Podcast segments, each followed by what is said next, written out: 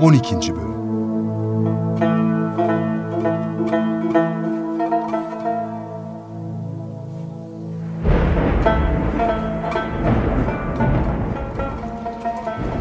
Efendim, çok üzgünsünüz. Bu kadarı az bile. Öyle bir işin içine düştüm ki çırpındıkça batıyorum. Neredeyse 15 yıldır bir sürü fitneyle başa çıkmaya çalışıyorum. Bir fitneyi söndüremeden öbürü çıkıyor. Allah'ın izniyle hepsinin hakkından geldiniz efendim. Geldim ama çok şeyimi de kaybettim. İçim acıyor. Allah huzurundaki hesaptan çok korkuyorum. Zaman zaman sapla saman karışıyor sanki. İşimiz çok zor, çok. Akrabalarınız için üzülüyorsanız kusura bakmayın ama hak etmişlerdi. Bilmiyorum, bilemiyorum. Daha zararsız nasıl yapabilirdim acaba? Başka çareniz kalmadı ki. Kan kanla yıkanmaz ama Ben susma hakkımı kullanmak istiyorum efendim. Haddimi bilmem gerekiyor.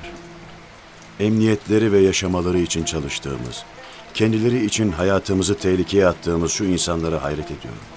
Allah'ın izniyle bir noktaya kadar amacımıza ulaşınca bu defa onlar kılıçlarıyla karşımıza çıktılar. Nimetler verdik, ikramda bulunduk, güvenliklerini sağladık, mevki verdik, makam verdik.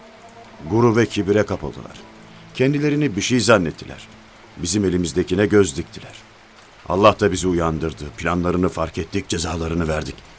Onlar bizim yakamıza yapışmadan biz onların yakasına yapıştık. Mecbur olduk buna. Emirlikte bulunduğum sürece bana en ağır gelen şey oğlunu öldürmek zorunda kaldığım şu kardeşimin durumu. Şimdi nasıl birbirimizin yüzüne bakacağız? Şu kısacık dünya için değer mi? Ne yapmalıyım bilemiyorum. O kadar perişanım ki. Estağfurullah efendim. Siz ne yapacağınızı bilirsiniz. Kardeşim Velid'in nerede olduğunu biliyor musun? Bilmiyorum ama emrederseniz bulurum efendim. Sen şu 5000 dinarı al, Velid'e götür. Ve ona de ki, bu yarımadadan çıkıp istediği yere gidebilir. Kendisine her türlü kolaylık sağlanacaktır. Ayrıca kendisinden özür dilediğimi söyle. Emredersiniz efendim. Kederimi de anlat. Onda evlat acısı, bende de başka acılar varken uzak olmamız daha iyi olacak. Lütfen. Estağfurullah efendim.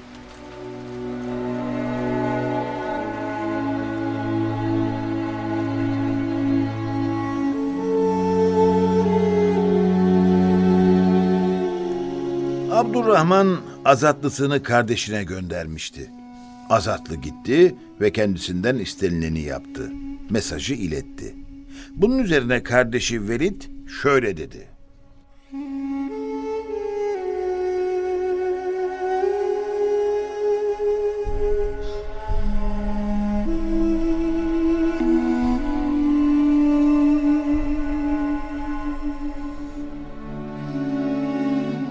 Efendim, beni kardeşiniz, emirimiz gönderdi. Oğlunuzu öldürdüğü için derin kederler, üzüntüler içinde. Bu 5000 dinarı size vermemi istedi. Nereye gitmek isterseniz size her türlü kolaylık gösterilecek. Bir de sizden özür diliyor. Olanlar oldu. Allah'ın hükmünü kimse değiştiremez. Ne yapalım? Biz İfrikiye sahillerine doğru hareket etmek istiyoruz. Gideceğiz zaten. Bir talebiniz var mı? Yok, Emirimize bir mesajınız olacak mı? yok. Müsaadenizle.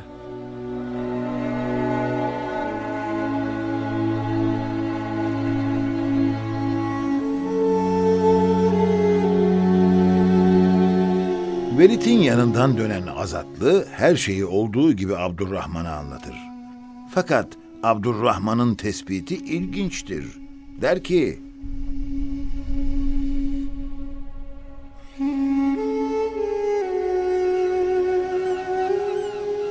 Gerçeği konuşmuş ama içindekileri saklamış.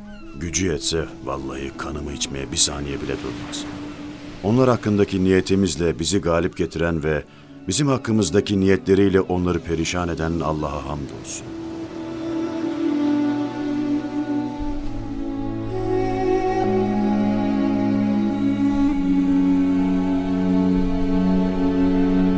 Böylece Abdurrahman zamanının büyük kısmını isyanları bastırmak için harcadı. Çünkü Endülüs o geldiğinde karma karışıktı.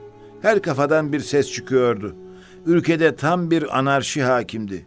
Ülke bütünlüğünü sağlamak da pek kolay olmadı tabiatıyla. Abdurrahman Hristiyanlara da iyi davranmış değil mi dede? Evet kızım, daha önce de söyledim. Kurtuba Camii'ni 80 bin dinara tamamlamış ama yeri için Hristiyanlara tam 100 bin dinar vermiş. Emelleri kalmasın diye. Cami öyle ucuza yapıldığına göre küçük bir şey olmalı. Değil kuzum değil. El Ömeri der ki, cami büyüklük, uzunluk ve genişlik bakımından dünyada benzeri bulunmayan bir ibadethanedir. Caminin lambaları, tavan yapımında kullanılan ağaçları, iç kemer ve süslemesinde kullanılan boyaları, mimarisinin mükemmelliği, renklerinin çeşitliliği ve ahengi göz kamaştırır, gönülleri coşturur. Tüm sütun kaide ve başlıkları mermerdendir. Sütunlar yontma taşlardan kemerlerle birbirine bağlanmıştır. Özür dilerim. Yüz bin dinarın ne demek olduğunu şimdi daha iyi anladım dedi. El Himyeri ise Kurtuba Camii'ni anlatırken şöyle der. Mihrabını tavsif etmek mümkün değildir. Oradaki yazılar kıymetli taş ve camlardan yapılmıştır. Altınlardan oluşan süslemeleri ise akılları durduracak mükemmelliktedir. Abdurrahman gerçekten enteresan bir insanmış. Çok da başarılı olmuş. Bu işin altından kalkabilmek çok zor olmalı. İbn Hayyan Abdurrahman'ı şu sözlerle tavsif eder. Tavsif eder ne demek dedi? Tarif eder, sıfatlandırır yani. Özelliklerini ortaya koyar. Nasıl yani? Der ki, Abdurrahman son derece halim selim, bilgili, zeki, kesin kararlı, güçlü, sürekli hareketli bir kimseydi. Adaletsizlikten hoşlanmaz, kendi işlerini başkalarına bırakmaz, devlet işlerini yakından takip ederdi. Cesur, hamleci, fevri hareketten uzak, kendine güveni tamdı. Kendine güveni olmayan bunları başaramaz. Hükümdar olduktan sonra çölden bir hurma ağacı getirtip Kurtuba'daki sarayının bahçesine diktirmişti. Zaman zaman bu hurma ağacının gölgesinde oturur, bir şiir söylerdi. O şiir kayıtlarda var mı dedi? Var yavrum. Nasılmış? Gelin bunu da kendisinden dinleyelim.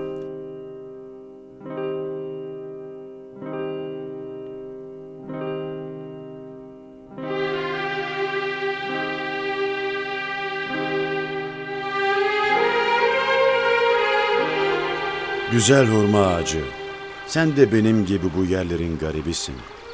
Fakat batı rüzgarları ince dallarını okşuyor nazlı nazlı. Köklerin burada berekete eriyor. Dalların hür havada. Bendeki kader sende olsa kim bilir ne gözyaşı dökersin. Tarihin cilvelerinden ne korkun olur ki senin. Ya ben, ya ben. Sürekli tecavüzlerle yüz yüzeyim. Başım dertten kurtulmuyor. Bedbaht talihim, Abbasilerin gazabı, beni sevgili vatanımdan ayrı düşürdüğü gün, Fırat sahillerini süsleyen hurma ağaçlarını gözyaşlarımla suladım. Ne hurma ağaçları, ne de tatlı tatlı akan nehir. Hiçbiri kederlerimin acı hatırasını saklayamadı. Sen ey hurma ağacı, Vatanından ayrıldığın için elem çekme. Vatanından ayrı düşen tek sen değilsin çünkü.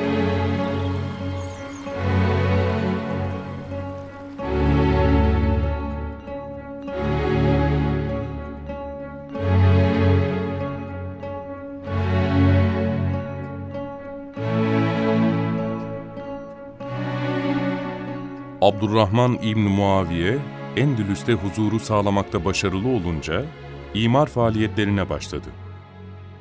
Kurtuba'da muhteşem bir cami yaptırdı.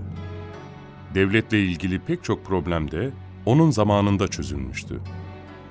Zamanın Abbasi halifesi El Mansur da Abdurrahman'ı takdir edenler arasındadır.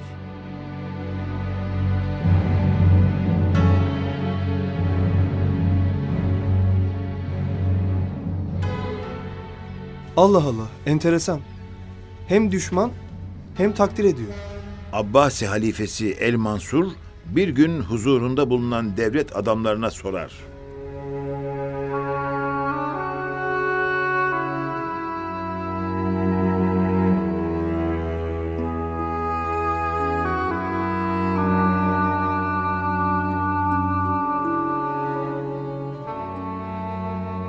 Kureyşli hükümdarların en kahramanı kimdir? Bu konuda fikri olan var mı?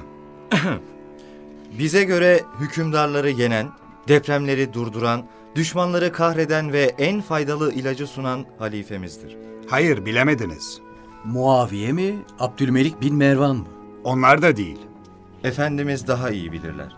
Kureyşli hükümdarların en kahramanı, denizi geçip çölü aşarak tek başına yabancı bir ülkeye giren, şehirler inşa eden, ordular teşkil eden, divanlar oluşturan, sebat ve güzel idaresiyle büyük bir devlet kuran Abdurrahman bin Muaviye'dir. Ama efendim, o sizin rakibiniz değil mi? Rakip olmak hakikati gizlemeyi gerektirmez ki.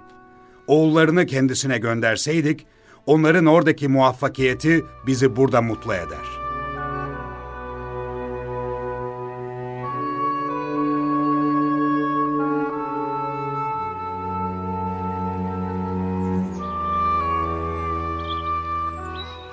Hayret, Abbasiler ona düşman değilmiş demek. Başarıyı herkes takdir eder kızım. Düşmanlık ayrı, hakikati itiraf etmek ayrı şeydir. Peki daha sonrakiler aynı başarıyı devam ettirebilmişler mi? Abdurrahman'dan sonra oğlu Hişam hükümdar oldu. Hişam, Maride valisiyken rüştünü ispat etmiş, kendisini sevdirmiştir. Tarihçiler Hişam'ı Kur'an ve sünnete uygun hareket eden, zevk ve eğlenceden uzak, ulemaya saygılı bir kimse olarak tavsif ederler. Evet, bu defa anladım ama Bir dönemde halkın dertleriyle ilgilenmek görevini babası ona vermiş galiba. Evet, evet. Çok güzel bir noktaya değindiniz. Bu da hem işi kavramasına hem de halk tarafından sevilmesine vesile olmuş. Hişam alçak gönüllü ve kanunlara bağlıydı. Hukuka son derece saygılıydı ve devrinde hukukun üstünlüğünü temin etti. Ömer İbn Abdülaziz'i mi örnek almış acaba? Kaynaklar Hişam'ın Ömer İbn Abdülaziz'i örnek almış olabileceğini ifade ediyorlar. Mesela işgal ettiği makam itibariyle en üstte olmakla beraber hayatında hep halkla iç içedir. Hastaları ziyaret eder, cenazelere katılır, camide cemaat arasında namaz kılardı. Kendisini halktan ayırmazdı. Çok güzel bir meziyet. Vali ve diğer devlet adamlarını gizli müfettişlerle sürekli kontrol ederdi. Adalete çok dikkat ederdi. Rivayete göre Kurtuba kadısı Hişam'ın yakın adamlarından birinin davasında bu adamın aleyhinde karar vermişti. Adam nüfuzunu kullanmak için Hişam'a gelir. Durumu anlatır. Hişam'ın verdiği cevap çok ilginçtir.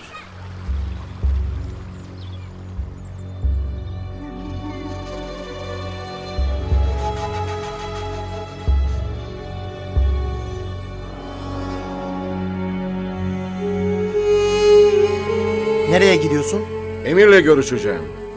Kimsiniz? Kim geldi diyelim? Kim olduğum önemli mi? Emir Hişam'ın kapısı halka her an açık değil mi yoksa? Akrabasıyım. Bir şikayetim var. Bir soralım müsait midir? Bırakın gelsin. İyi bir devlet adamısın ama kadılarına söz geçiremiyorsun Hişam. Yazık. Çok yazık. Ne oldu? Neden bu hükme vardınız? Daha ne olsun? Kurtuba kadısı benim kim olduğumu bildiği halde aleyhime karar verdi. Akraban olmam hiç işe yaramadı. Gerçekten haklı olan sen miydin? Hişam, ben senin akrabanım. Beni herkesle bir mi tutacaklar? Bizim elbette farklı hakkımız olmalı değil mi? Ne yapmamı istiyorsun? Bir kadıya söz geçiremezsen yazık emirliğine. Bu kararı bozdurmanı istiyorum. Neden? Neden bozdurmalıyım kararı? Daha dün Müslüman olmuş, soyu sopu belirsiz bir adamı senin akrabana tercih etti. Anlamıyor musun? Haksız yere mi? Bu ülkede emirin yakınlarının hiç üstünlüğü olmayacak mı Hişam?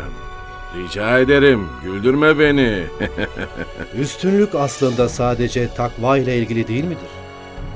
Sevgili akrabam, biz kim oluyoruz ki? Beni anlamıyorsun Hişam. Ben ne diyorum, sen ne diyorsun? Şimdi beni iyi dinle. Şayet kadı benim şu oturduğum taht hususunda aleyhime karar verse, Allah'a yemin ederim ki adalete boyun eğmek için derhal o tahtı terk ederim. Anlatabildim mi?